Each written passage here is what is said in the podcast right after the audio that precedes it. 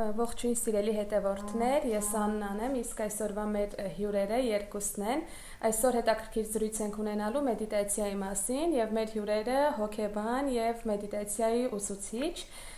Մեր այսօրվա հոգեբանի հետ մենք եւս մեկ ոդկաստ ունեցել ենք արդեն Նունե Տիգրանովնան, հոգեբան, հոգեբանական գիտությունների տեխնացու, իսկ յոգայի ուսուցիչը Լենա Դավթյան։ Ուրախ ենք ձեզ հյուրընկալել։ Բարև ձեզ։ Բարև ձեզ։ Բարև ձեզ։ Ինչպես նշեցի, այսօրվա զրույցը լինելու է մեդիտացիայի մասին ու երկու հյուր ունենք, որովհետև ուղիղ առնչություն ունեն յոգան, մեդիտացիան եւ հոգեբանությունը իրար հետ, ու քանի որ տեխնոլոգիաների զարգացման դարում ենք ապրում ու գնալով ամեն ինչ դեպի զարգացմանն է գնում, մարդիկ տագնապներից ազատվելու, ավելի հանգստություն ձեռք բերելու տարբերակներ են փնտրում Դրա համար այսօր հետաքրքիր զրույց կունենանք ու կարծում եմ շատ հարցերի պատասխաններ կտանք։ Երևի սկսենք մեր յոգայի ուսուցչից։ Ինչ կպատմեք մեզ մեդիտացիայի մասին սկզբի համար, էլի, որ պետք է մենք իմանանք։ Լավ կուզեի նախ ասել, որ մեդիտացիա բառը կամ տերմինը հիմա շատ-շատ է շրջանառվում, դա կապված է նրա հետ, որ մարդիկ ինչ որ միջոցներ են փնտրում ստրեսից ազատվելու եւ բնական է ամենահեշտ եւ արագ միջոցը դա ինտերնետում փնտրելն է,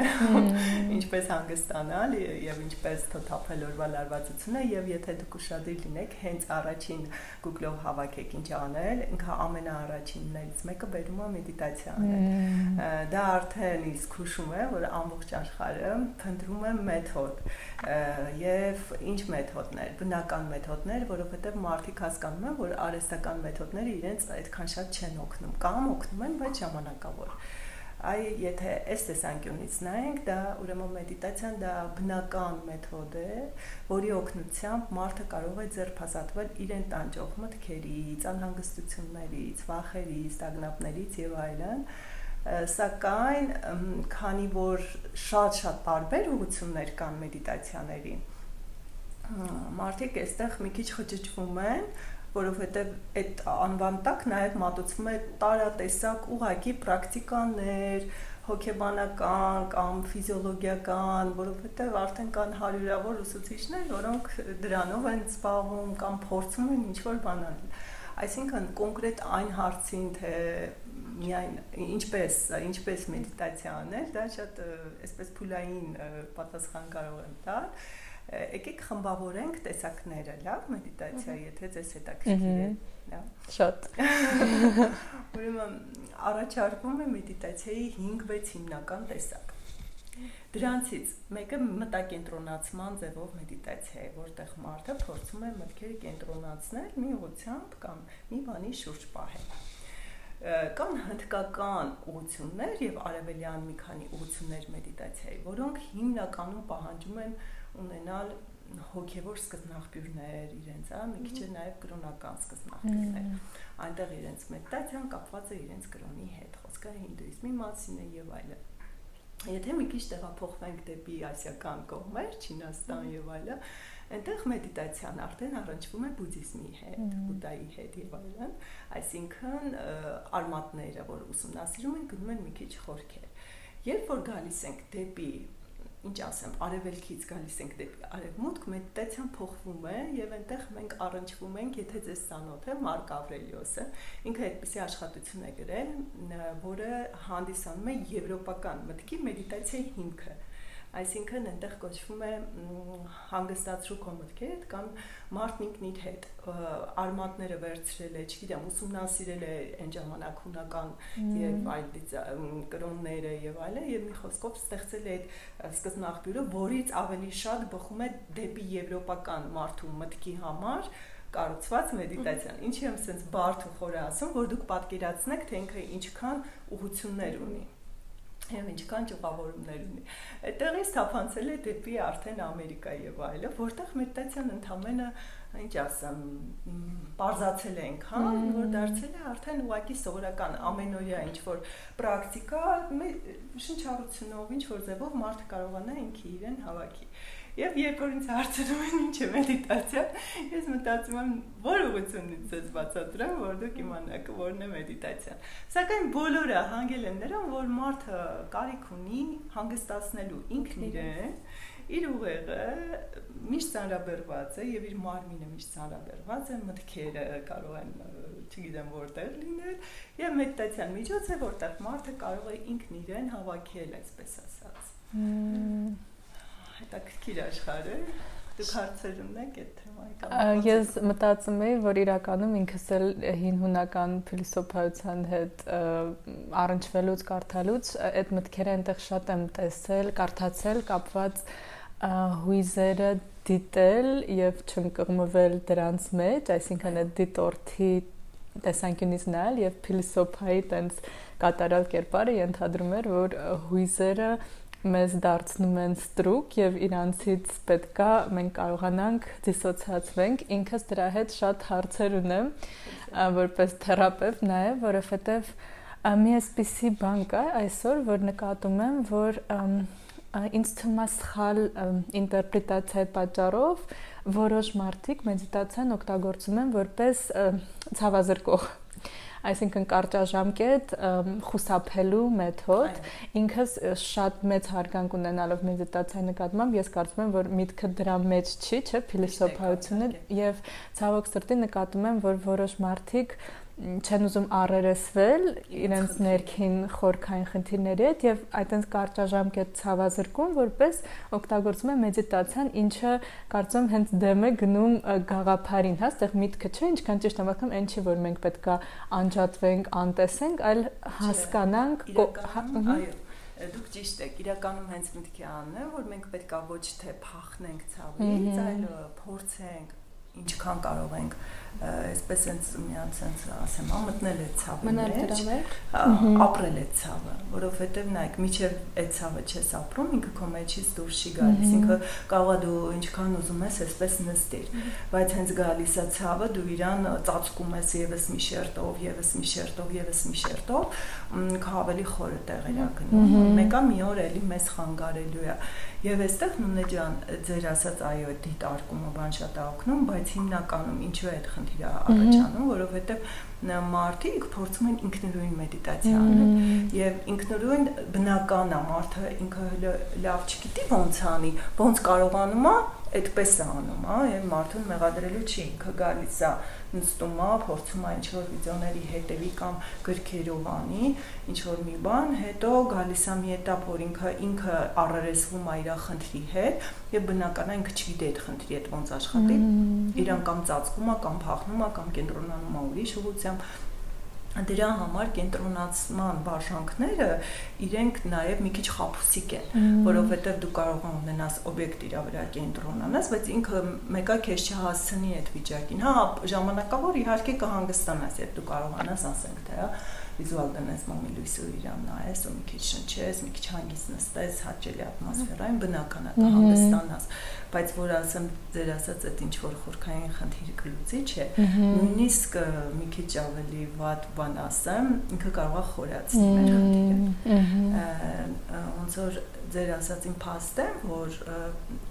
որpիսի այդպես չլինի, ցանկալի մարդը, որ ուզում է նման փորձեր անի, կամ հոգեբանի, կամ մեդիտատորի խորհրդատվություն անպայման ունենալու վստահում, ահա։ Եվ օրինակ ոնց որ ուսուցիչ ունենա ինքը, որ իրեն ուղղորդի, բայց ինքը նայեք ուսուցիչ գտնելն էլ է դժվար։ Ուսուցիչն էլ պետքա արդեն իր ճանապարհը անցած լինի, հա, այսինքն ինքը արդեն այդ փուլերը պետքա անցած լինի հասկանում եք Անձնական պրակտիկայից ելնելով էլի, այսինքն ուսուցիչ ընտրելուց պետք է ուսուցիչն էլ ինչ-որ ժամանակ, երկար, կանոնավոր մեդիտացիա ունենա։ Ես ասեմ, նաև հին ժամանակ ուսուցիչները իրանք շատ լուրջ, իրանք ինչ են համարվում գուրուներ, ինչ են նշանակում։ Դե բառը շատ այսպես ասած հիմա տարածված ասում են գուրու։ Գուրու նշանակում է մեկը ով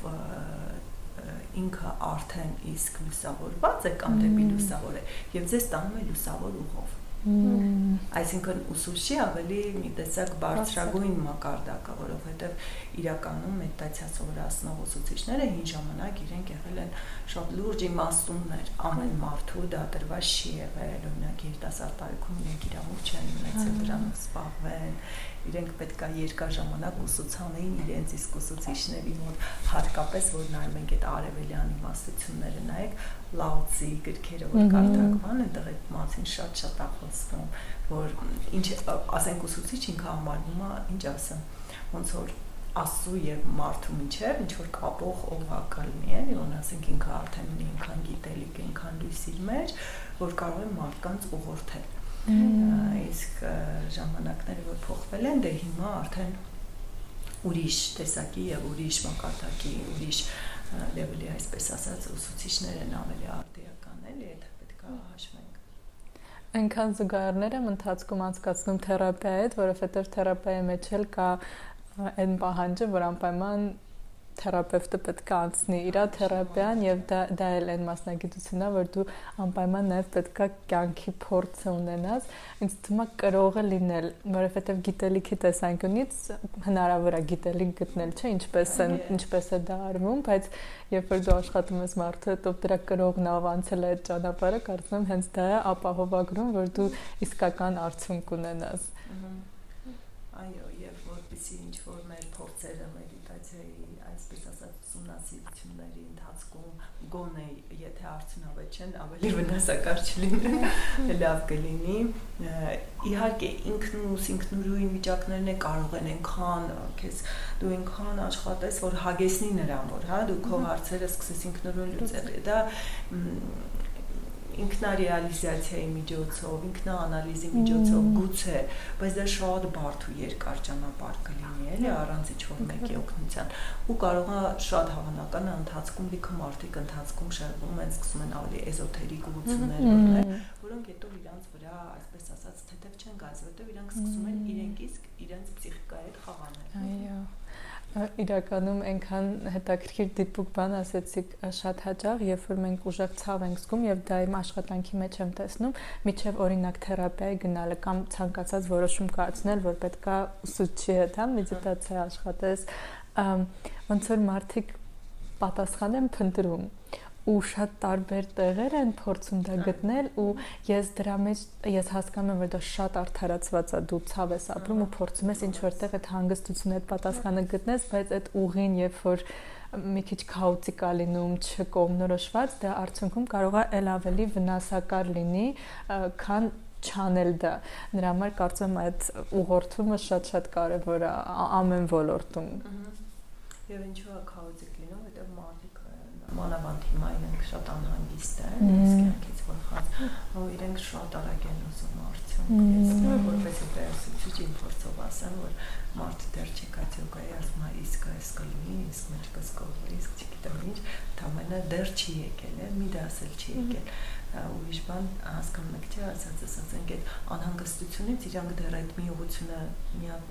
չարած կամ մի հատ փորձ չարած, մի հատ ուրիշ, ասում են չէ, սա չէ, մի հատ ուրիշ փորձ են, իրենց միտքն է ուղակի անհանգիստ է ավելի շատ խոճապային տրամադրության մեջ են։ Ես այս վերջին շրջանում շատ տարբեր ոդկասթներ լսելուց, հոգեբանների հետ ու այլ, մի հատ հետաքրքիր միտք է լսել, որ ասում են հիմա մարդիկ շատ խառն են։ Ու մոդա է, որ իրանք լավ չեն, խառն են, ինչ որ sense իրանց գործերը շատ են չեն հասցնում ու այս ամեն ինչի մեջ որ փորձում են մեդիտացիա անել ստացվում է այնպես որ իրականում չի ստացվում որովհետև այդ ինքնուրույն ինքնուս տարբերակն է բայց երբ որ ինչ որ ուղղորդող մեկը չկա կողքից արդեն գալիս ենք ձեր ասած մտքին որ ինչ որ սխալ ուղությամբ են գնում ու ստացվում է, որ այդ մարդիկ դուրս չեն գալիս իրենց այդ խոճապային վիճակներից ու տենց տարիներով կուտակվում, կուտակվում այրար վրա։ Հետո մի փոքր, շատ փոքր դեպք է պատահում, այդ փոքր դեպքից հետո նոր դուրս է գալիս դրա տակից ինչ կա։ Իրականում շատ բարդ է, ես այս վերջին շրջանում շատ-շատ եմ հանդիպել, որ մարդիկ մեդիտացիայի մասին ինչ որ նյութեր են գրում, վիդեոներ են նկարում, ոնց ինքնուրույն պետք է սկսել, ինչից սկսել շնչառությունը, ոնց կարգավորել ու դրա համար շատ-շատ եմ ուզում, որ այսօր մեզ խորհուրդ տաք ինչ տեխնիկայով սկսել առաջինը ուսուցիչը, լավ ու ճիշտ ուսուցիչ ունենալ, մյուս քայլերը, որոնք պետք է լինեն։ Մեդիտացիայի համար, այսպես ասած, հիմք է հանդիսանում մարդու, ինչ ասեմ, մարմինը առողջությունը, եթե մարդը ինքը իր մարմնի հետ ֆիզիկական աշխատանքներ չի կատարել, դա էլ է մի քիչ խանգարում, որովհետև մեդիտացիան ինքը հիմնականում արվում է ստատիկ վիճակում, այսինքն ուղիղ հանգիստ վիճակում։ Եվ սովորաբար ինքը ինչու է համարվում ավելի բարձրագույն փուլ յոգայի, որտեղ սկզբից անում են ֆիզիկական յոգա, հետո են սովորում մედիտացիա, որովհետև պետքա ֆիզիկական յոգայով հին ուսուցիչները այդպես են բացատրել, դեռ ես Հնդկաստանում մի քանի տարի առաջ որ գնացել էի, այնտեղ հանդիպեցի, որ մենք պետքա մեր մարմինը, այսպես ասած, ենթարկենք մեր ուղեղին, ապա նոր սկսենք անել մեդիտացիա, այսինքն որ մեր մարմինը մեզ չխանգարի, այսպես ասած։ Մի քիչ sense բարդ իդեա է մեր համար, սկսում ենք մարմնական աշխատանքից, ինչպես նստել, ինչպես կառավարել մարմինը, ապա երկրորդ փուլը ինչպես շնչել, ինչպես կարողանալ հետևել շնչառությանը, դիտարկել մեր մարմինը եւ շնչառությունը։ Երրորդ փուլը ինչպես դիտարկել մեր մտքերը, կարողանալ մարմին, շնչառություն, միտք կապերը ստեղծել։ Չորրորդ փուլը այսպես ինքս են փուլային աստիճանաբար աշխատանք է, բայց եթե ասենք կանգ առնենք գոնե առաջին երկուսի վրա, դրանք մեր ֆիզիկական դիրքեր եւ շնչառության այսպես ասած դիտարկումն է եւ ինչու՞ չէ նաեւ կառավարումը սակայն իմ փորձը մի քիչ այդ ասպարեզում խորն է երբեմն մարդիկ հենց այդտեղ են մնում են իրենք կարծում են որ շնչառության կառավարումը արդեն իսկ մեդիտացիա է եւ իրենք հասկանում են չէ ասածս ասենք ինչ որ շնչառական վարժանքներ են անում բայց դա էլ ված չի ուղղակի ինքը ոնց որ թերի աշխատանք է հետո ինքը էլի փուլ ունի շնչառական այդ վարժանքները էլի օգնում են, ասենք, հանգստանալ, հա, մտքերը խաղաղվի եւ այլն։ Ֆիզիոլոգիական տեսանկյունից իրանք լավ շատ լավ աշխատում են, այսպես ասած, բայց դրան էլ հաջորդող փուլ ունի ու այսպես փուլային աշխատանք է։ Գուցե ովքեր փորձում են կամ սկսում են, այո, պետք է մի քիչ կարողանալ մարմինը կառավարել, շնչառության հետևել, հույզերին հետևել, մտքերին հետևել եւ այդ ամբողջը փորձել դիտարկել, որ այդքան է օրինը էս չի դու կարող եք ասել Հա, ես էլ իմ կողմից կհավելեմ, որ նաև մարմինը մեր հոգեմարմնական կապերը չափազանց ուժեղ են եւ ցանկացած արտամղված հույզեր, ցանկացած դիսկոմֆորտ, որը մենք ապրում ենք, անպայման։ Ես առաջ գիտեք, միշտ այս գաղափարը գիտեի, դասավանդում էի, խոսում էի դրա մասին, բայց երբ որ դու ամեն օր քո աշխատանքում իսկապես այդ կապերը տեսնում ես, ոնց է մարմինդ, ոնց ես դու հիվանդանում, երբ որ հույզերիդ հետ կապի մեջ ես, ինձ թվում է նաև այդ առաջի փուլում հնարավոր է հասկանալ մարմինը այդ ինչ պատմություն ունի, հա, մարդը ինչ ցավ է ապրել եւ դրա հետ գործ ունենալ, թե թերապիայի միջոցով, թե մեդիտացիա, յոգայի միջոցով, բայց այնտեղ շատ բաներ կբացահայտի մարդ, եթե լսի իր մարմինը, որովհետև մարմինը հաճախ իսկապես մեզնից լավ գիտի, իսկապես ինքը մեզ բան է ասում միշտ։ Մարմինը շատ հուշում է, եւ ես ես ասեմ առաջին փուլից ինչու մարդիկ չեն խորանում դրա մեջ, որովհետև առաջին փուլը ինքը նայեք առաջին ռեակցիան օրգանիզմի դիմադրությունն է, երբ որ դու ուզում ես նստես, թեկուզ ոչ այսպես ցալապատիկ ենթադրենք, հա, ինչ որ մի քիչ ուրիշ ձևով կամ այլ մենք մեր որ այդ սովորությունը չունենք անելու, ասենք թե, հա, մեր մարմինը սկսում է ոնց որ մտածել, ասում է պատասխանում, ինչի ասենց նստել, ինչ է ուզում ինձ այս, առավել եւս մենք փորձում ենք իրան ձգել, ուղղել, հիմա շնչել եւ այլն, եւ այդ առաջին դիմադրությունները շատ ուժեղ են ուրեմն ինձ հանդիպել են դեպքեր դեռ ինձ որ հիշում եմ այդ որ նոր է ճանապարհով գնում երբ որ ես նստում եի չնայած որ ես այդքան նայեք յոգայի դասավանդման փորձ ունեի ֆիզիկապես ես පිටිවෝල්ති මොනාය այդքան ես պարապած հա կաններս բանում ամենը ես լավ ճկուն եմ գիտի անանել բայց ինչը ինչն է տեղ խնդիրը մեկը մարմինը հասկանում որ դու իր այդ մի տեսակ ուրիշ բան ես ուզում անես լմիրով է ինքը sense դիմադրում է ու ես որ նստում էի մոտ սկսում էր երալ ամբողջ մարմինս երում էր ջերմության sense կացում էր բարձրանում Հետո սկսեցի կիսվել փորձով, այ նայեք, հիմա ինչի ուսուցիչ պետք։ Եթե դուք ուսուցիչ չունենաք, դուք կարող եք իմանալ ձևը տենց է կամ դուք ինքնուրույն որոշեք դրա հետ մի բան անել, չանել, ասենք թե վախենակ, չէ, ամբողջ մարմինը որ սկսի տաքանալ եռալ, մարդ կարա վախենա ասի, ոչ, իմ հետ մեծ բան կա, ես բարձրացա, էլ չեմ շարունակի կամ առավել եւս ավելի վատ ինքը իրան որոշի ավելի ետակությունը շատացնի, ինչ որ իրան դա դուր գա կամ թվա ինչ որ տեղ դա իրան կտանի, հա։ Դրա համար որ ունեն մեկ ուսուցիչ, ինքը ձեզ ինչ է անում։ Ինքը ձեզ ասում է, «Ստեղ ստոպ դու, ստեղ շարունակի, ելը մի րոպե, ելը մի հատ, էլի»։ Ձեր նման ճիշտ նույնը, ոնց որ հոգեթերապիայի ժամանակ, որ պացիենտը գալիս է, արդեն ասենք փորձառուն գիտի իրան ինչ ուղղորդման դնի, էլի, չէ՞ որ ոնց այդ մարդու ոնց մի քիչ sense sense լինի էլի ճանապարհը ու նմանատիպ նաև հաճախ հոգեթերապիայի մեջ էլ սկզբնական փուլում հատկապես դիմադրությունը էլի շատ ուժեղ է ու շատ փոքր բաներում կարող է արտահայտվի ուշանալ, մոռանալ հա։ սեսիայի մասին կամ պարզապես թերապևտը միշտ զգում է երբ դիմադրություն կա, երբ որ դրա մասին խոսում ես, շատ հաճախ ենթագիտակցական է, այսինքն մարդ չի հասկանում, բայց դա նոր բան է, ինչպես եւ ինչը որ դուք նշեցիք, սա նոր բան է ու բնական է, որ մեր հոգեկանը շատ այդ զգուշավոր ու անհանգիստ է դրան վերաբերվում, բայց կարծում եմ լավ կոնտակտի դեպքում երկու ոլորտում էլ այդ շատ հեշտությամբ հնարավոր է շատ արագ հաղթահարել։ Եվ մի ընկեր ունեի, որ նոր է եկել Շրիլանկայից, ինքը ինձ պատմում էր, ինքն էլ ես հիմա մի քիչ ավելի շփում եմ մարդկանց հետ, ովքեր այդ ոլորտում փորձ ունեն, ինձ հետաքրքիր է, էլի։ Նա ասում է, Լենա, գիտես, այնտեղ ասում է, ես ինձ նորմալ ապրում եմ, բան հենց նստում եմ ոտքերս ու մեջքը սարսափելի ցավում է։ Ես իրան այդ բացատրում եմ, էլի, որ այդ ոնց որ ինքը օրգանիզմի դիմադրությունն է, որտեղ ոնց որ մի տեսակ չի հասկանում ինչ ես ուզում անես քո։ Իր հետ ասում են, հենց մի հատ դիմադրեմ, որ չանի այդ նոր բանը, չանի իրոք այդ նստելը, այդ քեզ կարգավ։ Հետո նայեք, մենք մենք երբ ենք ուղիղ նստում, սկսենք այն պրիմիտիվ բարձ բաներից լավ ասենք մեդիտացիա չենք անում։ Մենք երբ ենք հանգիստ ուղիղ նստում, հազվատ է մենք կամ առաջ են կամ հետ են կամ բազմություն ցույց են բաց են կամ աթորեն են գալ մենք արդեն սովորել ենք մեր ողնաշարքը դրա համար նայեք ինչ են յոգերը գետնին նստել որ գնա կարմատներ, մենք հասկանանք, որտեղ գիտնին դու չունես այդ հապը։ Այս sense փափուկ չի, ես չկա որ sense գնաս վրա ամբար։ Դրա համար ես հիշում եմ մի ամերի ամերիկոյի կինկարին էր բանը ասում էր ես ինձ դա քրի ուսուցիչ էր ասում էր ես աթուր ատում եմ աթուրը մարդկանց փչացրել յոգայի դասատուր արտակին հնարանա տալիս անընդհատ ունտենաս sense փրված ասում այն ոնց որ բալերինաներս են ասես նստում ես ես դիկ-դիկ սովորացնում են էլի իրանց հիմա նայեք մենք արդեն իսկ այդ սովորությունները չունենք ուղիղ նստելու մի հատ էլ մեզ ստիպենք մեդիտացիան եւ երկրորդ փուլը շնչառության փուլը ինքը ավելի բարդ է քան ուղիղ նստելը հիմա որ ասած ասեմ կարող եմ մտածել մարդիկ էս ինչքան են բարդացնում ամեն ամեն ինչ ասում են բարդա չէ բայց ավելի լավ ռեալն է էլի ինչպես մենք կարող ենք օրինակ մեր շնչառությունը ճանաչել կարգավորել կառավարել եթե մենք ոնց որ դրա փորձն էլ այդքան չունենք, դա էլ չէ սովորելու տարիների հետ եւ այդ ավելի դրա բարդությունը այն է որ մեզ դժվար է կենտրոնանալ եւ մեր ուշադրություն տանել ներս որտեղ շնչացնը արդեն իսկ ավտոմատ կա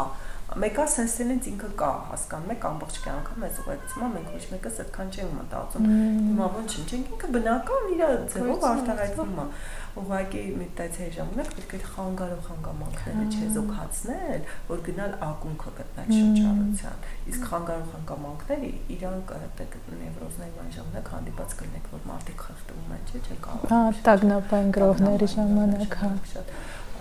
պանիչսկի ատականների ժամանակ այդպես երեխեք եկել են, որ եկել են, ուսում։ Էդ էլ շնչառության փուլն է, այդպես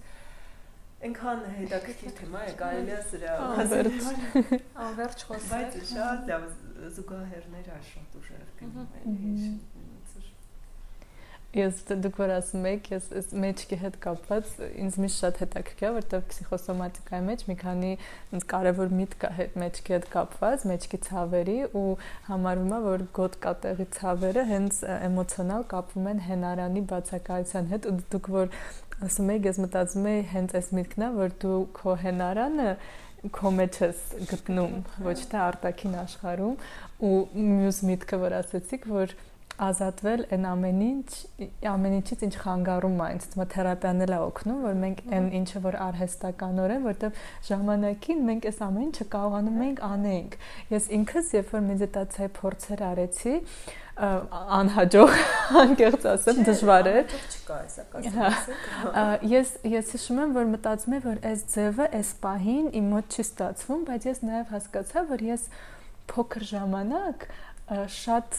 mindful է շատ mindful ապրել եմ որովհետև այտենց ես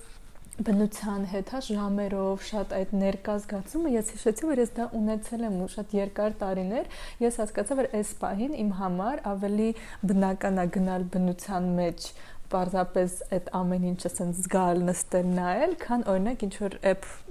app-ով ինչ որ անտարի ձայներ անել, որովհետև ինձ թվում է այդ կապը բնության հետ, կապը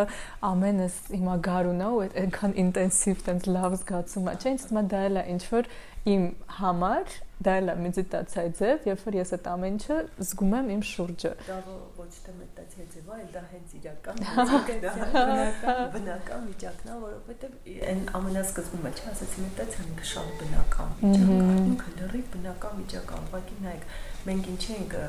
բոլորս ունենք մեր տարապանքը, մեր ցավը, ցածր, բարձր մակարդակի տարբեր, հա, մեր ինչ ասեմ, տրավմաները։ Եվ դրանք մեզ խանգարում են մենք մեր բնական վիճակին դենանք։ Մենք հետո մենք այնքան մեր բնական վիճակում չենք լինում, որ մենք դաժե եթե մենք մեզ հանդիպում ենք այդ վիճակում, մենք չգիտենք իր այդ ինչ անել։ Վախեցնող, հա, ինքը կարա լինի մի հատ նենց վախեցնող մակարդակ, որովհետև դու ոնց որ այդ ժամանակ պետքա շատ քո էգոն թողնես, այդ էգոյի դրսևորումները, որոնք քեզ իբր փորձում են նաև գուցե ոչ միայն իբր փորձում են պաշտպանել եւ այլը, հա ինքը խորքային հոգեբանական sense աշխատանք է, փուլ գնում, հա ու որ դուք ասում եք փոքր ժամանակ անում ենք, ես հիշեցի, որ վերջերս գնացի Ինդոնեզիա Բալի, ու այնտեղ դե գիտեք բնությունը ջունգլիները շատ-շատ առատ է այն որ օրնված է եւ օվկիանոս կա եւ անտառներ եւ սարեր ամեն ինչ ու այնտեղ մարդիկ որ ես իրանց ուսումնասիրում եմ ասում եմ այ իրանք են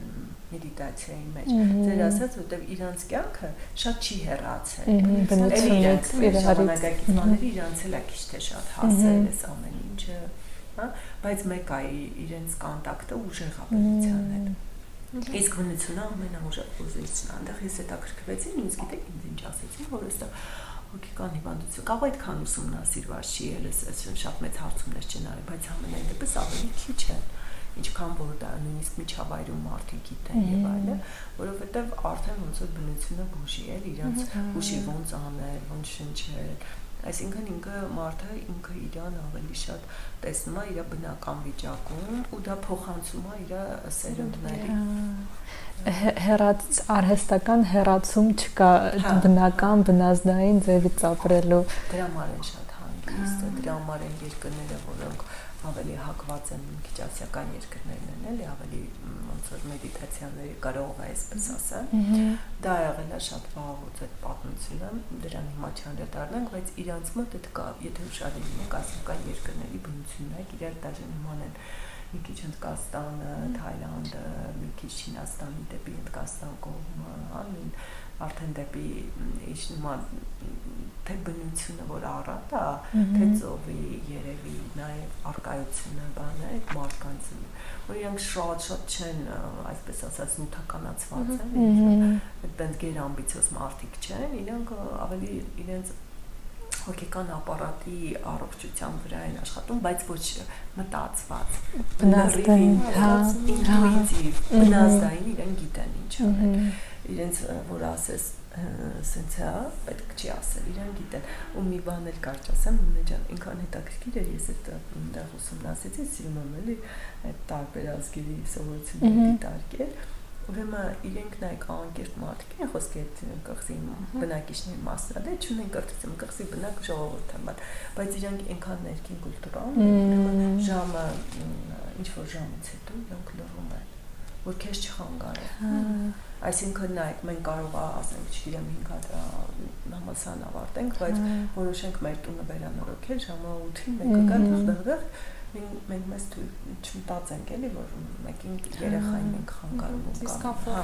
իսկ իրենք այդ այդ ինչ եմ ուզում ասել մեկ-մեկ որ մենք այդ ինտելեկտուալ այդ խորը շատ sense ձգտում ենք դեպի տենց շատ չէ, բայց մորալում ենք մի միտեղ մենք գիտենք մի քիչ գիտելիք մի քիչ իմաստություն ունենք, էլի մի քիչ մեղմ ասած ու ուղղակի էլ ենք մենք արդեն փակել որովհետև ինձ թվում է գիտելիքը ծածկում է իմաստությունը, իսկ գիտելիք ու իմաստությունը անպայման չի որ զուգահեռ լինեն, այսինքն մարդը կարող է ինչ որ ինֆորմացիա չունենա, բայց ինքը իմաստություն ունենա։ Դուք որ պատմում եք դրա հետ կապված, ես էլ հիշեցի ինձ շատ տպավորել էր Աֆրիկայում էի ու այդն ջունգլիների մեջով մենք մեքենայով գնում ենք դեպի հյուրանոց ու ես տեսա մի մարդու, ով տենց ճղած հագուստով ինքը մենակ այնտեղ ապարում էր ու իմ համար դա շատ կարևոր մի հատ ես այդ շատ շատ ընդունեցի, շատ կարևորեցի, որովհետև դա շատ բաներ սովորացնում այդ բնական ուրախության, իմաստության մասին, որ այդ ամենը շատ հեշտ է ու իսկապես երջանկություն ու լավ զգալը կապ չունի ֆինանսական, տնտեսական, սոցիալական դա ներքին զգացում է, որը մենք ի ծնե ունենք, պարզապես մեր մեջ դա կոտրում են տարիներով ոնց որ հատուկ աշխատանքի միջոցով ինձ թվում է մի հատ տարիք է գալիս, երբ որ դու վերջապես քեզ թույլ ես տալիս սկսել այդ ազատվել հետ կաղապարից ու գնալ դեպի քո մանկական անկեղծ ուրախությունը, ներկա գտնվելը ու փոքր բաները վայելելը, ինձ թվում է դա հրաշալի ճանապարհ է, հատկապես երբ որ դու դա գիտակցաբար ես անում, ոչ թե երեխայի պես չիմանալով ու անմեղ, այլ դու արդեն հասուն տարիքում քեզ կրկին անգամ թույլ ես տալիս խոցելի լինել։ Այդ իջեցի Սոկրատի մի հատ խոսքով ասում անկեղծ մարդը դա երեխա մարդն է, ոնց երեխան է, իրոք ինչ որ փուլ կարող, բայց մեկ-մեկ այդ փուլը չի էլ գալիս, ցավոք տարիքի հետ կապ չի բայց երբ որ գալիս է շատ լավ է մարդը ազատ ազատվելի մարդու ոգին ես իրականում այս տեսակ մտքեր ունեցել եմ ու մի պահ հանգել էի այն մտքին որ մենք շատ երկար ժամանակ ոնց որ փորձում ենք հասարակությանը գոհացնել ապրել են ամեն ինչով ինչ որ որ նորմա է այդ հասարակության համար բայց ինչ որ փուլա գալիս մեր կյանքում որ զգում ենք մենք ինքներս մեզ կորցնում ենք, այսինքն այդ հոսանքի հետ չենք հասցնում մեր զգացմունքները, մեր էմոցիաները ճիշտ մեր վրա արտահայտել։ Այսինքն հարմարվում ենք այդ միտքը ինչի համար եմ ասում, որ ասեցիք մենք կարող է 8-ից հետո վերանորոգումը սկսենք, բայց իրանք այնտեղ չէին աղմկում։ Մենք այստեղ էլ գիտենք, որ 8-ից հետո չպետք է սկսել։ Մենք գիտենք, բայց մենք գիտենք ուղակի ոնց որ որպես նորմա հասարակության, բայց չենք գիտակցում այդ, չենք զգում։ Դրա համար մենք ինչքան էլ որ իմանանք, մտածում ենք դե լավ, ոչինչ, կես ժամ, 20 րոպե կտևի, արագ անենք, վերջացնենք, բայց խնդիրը գալիս է այնտեղից, որ մենք մարմնապես չենք զգում, որ դիսկոմֆորտ է ուրիշի համար, եթե հարևանը անի, ես ինձ վատ կզգամ։ Ես տենց այդ սոցիալական, հասարակական հարաբերությունների հետ կապված շատ ուսումնասիրում եմ ու հասկացել եմ, որ իրականում առաջինը մեզ պետքա դիտարկենք, երբ որ մենք լավ լինենք, մեր կողքինները արդեն լավ են լինելու, երբ որ մենք մեզ լավ զգանք, էլի։ Ինձ թվում է մեդիտացիայի ձգտումը մարդկանց այդ է ինքնա հասունացում, ինքնաճանաչում Այո, ինքնա ճանաչման փուլեր են մեդիտացիան եւ այնտեղ շատ-շատ կարեւոր մաս կա, որը նույնպես մի քիչ դժվար անցանալի մաս է, դա բացի մեր այդ ֆիզիկական դիրքից, նստելուց, շնչելուց եւ այլն, դա մեր էմոցիոնալ վիճակն է, որովհետեւ մենք այնտեղ sense դրիվ sense մի հատ խառնաշփոթ է սկսում մեր էմոցիոնալ ինտելեկտի, չգիտեմ, էմոցիոնալ վիճակի, չվիճակի, մենք չգիտենք իրանց հետ ինչ անենք, որտեղ երբ որ մենք լուր ենք մնում, նայեք ակտիվացնում ենք որոշ, ես չգիտեմ դա ենթագիտակցական շերտեն ինչ են ես, վաստակ չեմ կարող ասել որը, բայց ինչ որ այդ լրության մեջ սկսում է դուրս գալ, ինչ են մարդիկ վախենում լուր մնալ։ Եթե ուշադիր եք, շատ մարդիկ ամեն ինչ կանեն, ամեն ինչ պատրաստ են անել, մենակ լուր չմնան դե որ իրանք sense նստում են լուր, մի քիչ մնան իրանց մտքերը ու էմոցիաները այնքան խառն են, այնքան շատ են, այնքան կարող է իրանց իսկ տարօրինակ թվան, որ իրանք դրա հետ չիմանան անեն, իրանք սկսում են անել քաոտիկ գործողություններ կյանքում։ Օրինակ կարող եմ, չգիտեմ, մեկ-մեկ մենք հանդիպում ենք, չէ՞, նման մարդկանց, որոնք շատ քաոտիկ վարք ունեն այդ այդ մարդկանց մոտ այդ դա է, հա, այդ խառնաշփոթ ներքին վիճակը ու մեդիտացիայի ժամանակ շատ ժամանակ է ակտիվանում դա, որը եւ եթե ոնց որ մենք այդ փորձը չունենք բանել, կամ վախենում թողնում ենք, կամ կարող է սխալ լուծումներ տան, կամ կարող է բախներ սպերի ճիշտ լուծումներ տանք, այնքան փորձենք, փորձենք, մինչև որ միցև գտնենք այդ վիճակից դեպի դեպի դեպի լավ, հա, ուղղությամբ գնալու ու այդ էմոցիոնալ պահերն էլ կարելի է էմոցիաների մասը ավել ճիշտ պետք է էլի մի քիչ լուրջ վերաբերվել դրան, որովհետև մենք այդ մասը այն մարդիկ անում են դեպս ովքեր ինձ մեկ-մեկ ասում են, ես մեդիտացիա եմ անում, նստում եմ sense բան, դե ես այնքան դուրս թեմա է, այդքան ամեն չես կարող էլի տենց մանանալ բան, բայց նաև էդ էլ պետք է վերանայել, որ մենք մեր էմոցիաների հետ էլի պետք է լուրջ աշխատենք դրանց հետ։ Լուրջ վերաբերվել։ Հա, մի քիչ պետք է մի քիչ հարգանքով վերաբերվել, ոչ թե ոչ մենակ իրանց գերին լինենք, բայց ոչ էլ լինենք, որ արհամար ենք, որտեղ իրանք իրանց գործը անում են մեր օրգանիզմում, բանում Լենա ջան, որ ասում եք, ես էլ մի հատ այնց միշտ դիտարկում եմ, որ այն մարդիկ, ովքեր իրանց էմոցիոնալ աշխարհից կտրված են, դա էլ իրանց ընտրությամբ չի եղել, հա, ինչ որ հանգամանքների հետևանքով, ինչ որ բան իրանց դժվարամարս եղել իրանց համար էմոցիոնալ ու իրանք փակել են դա։ Դա նախ բնական է միևնույն ինքը էփում է այնտեղ ու ազդում է եւ առողջության եւ ամենի վրա, բայց իրանք դառնում են շատ գործունյա։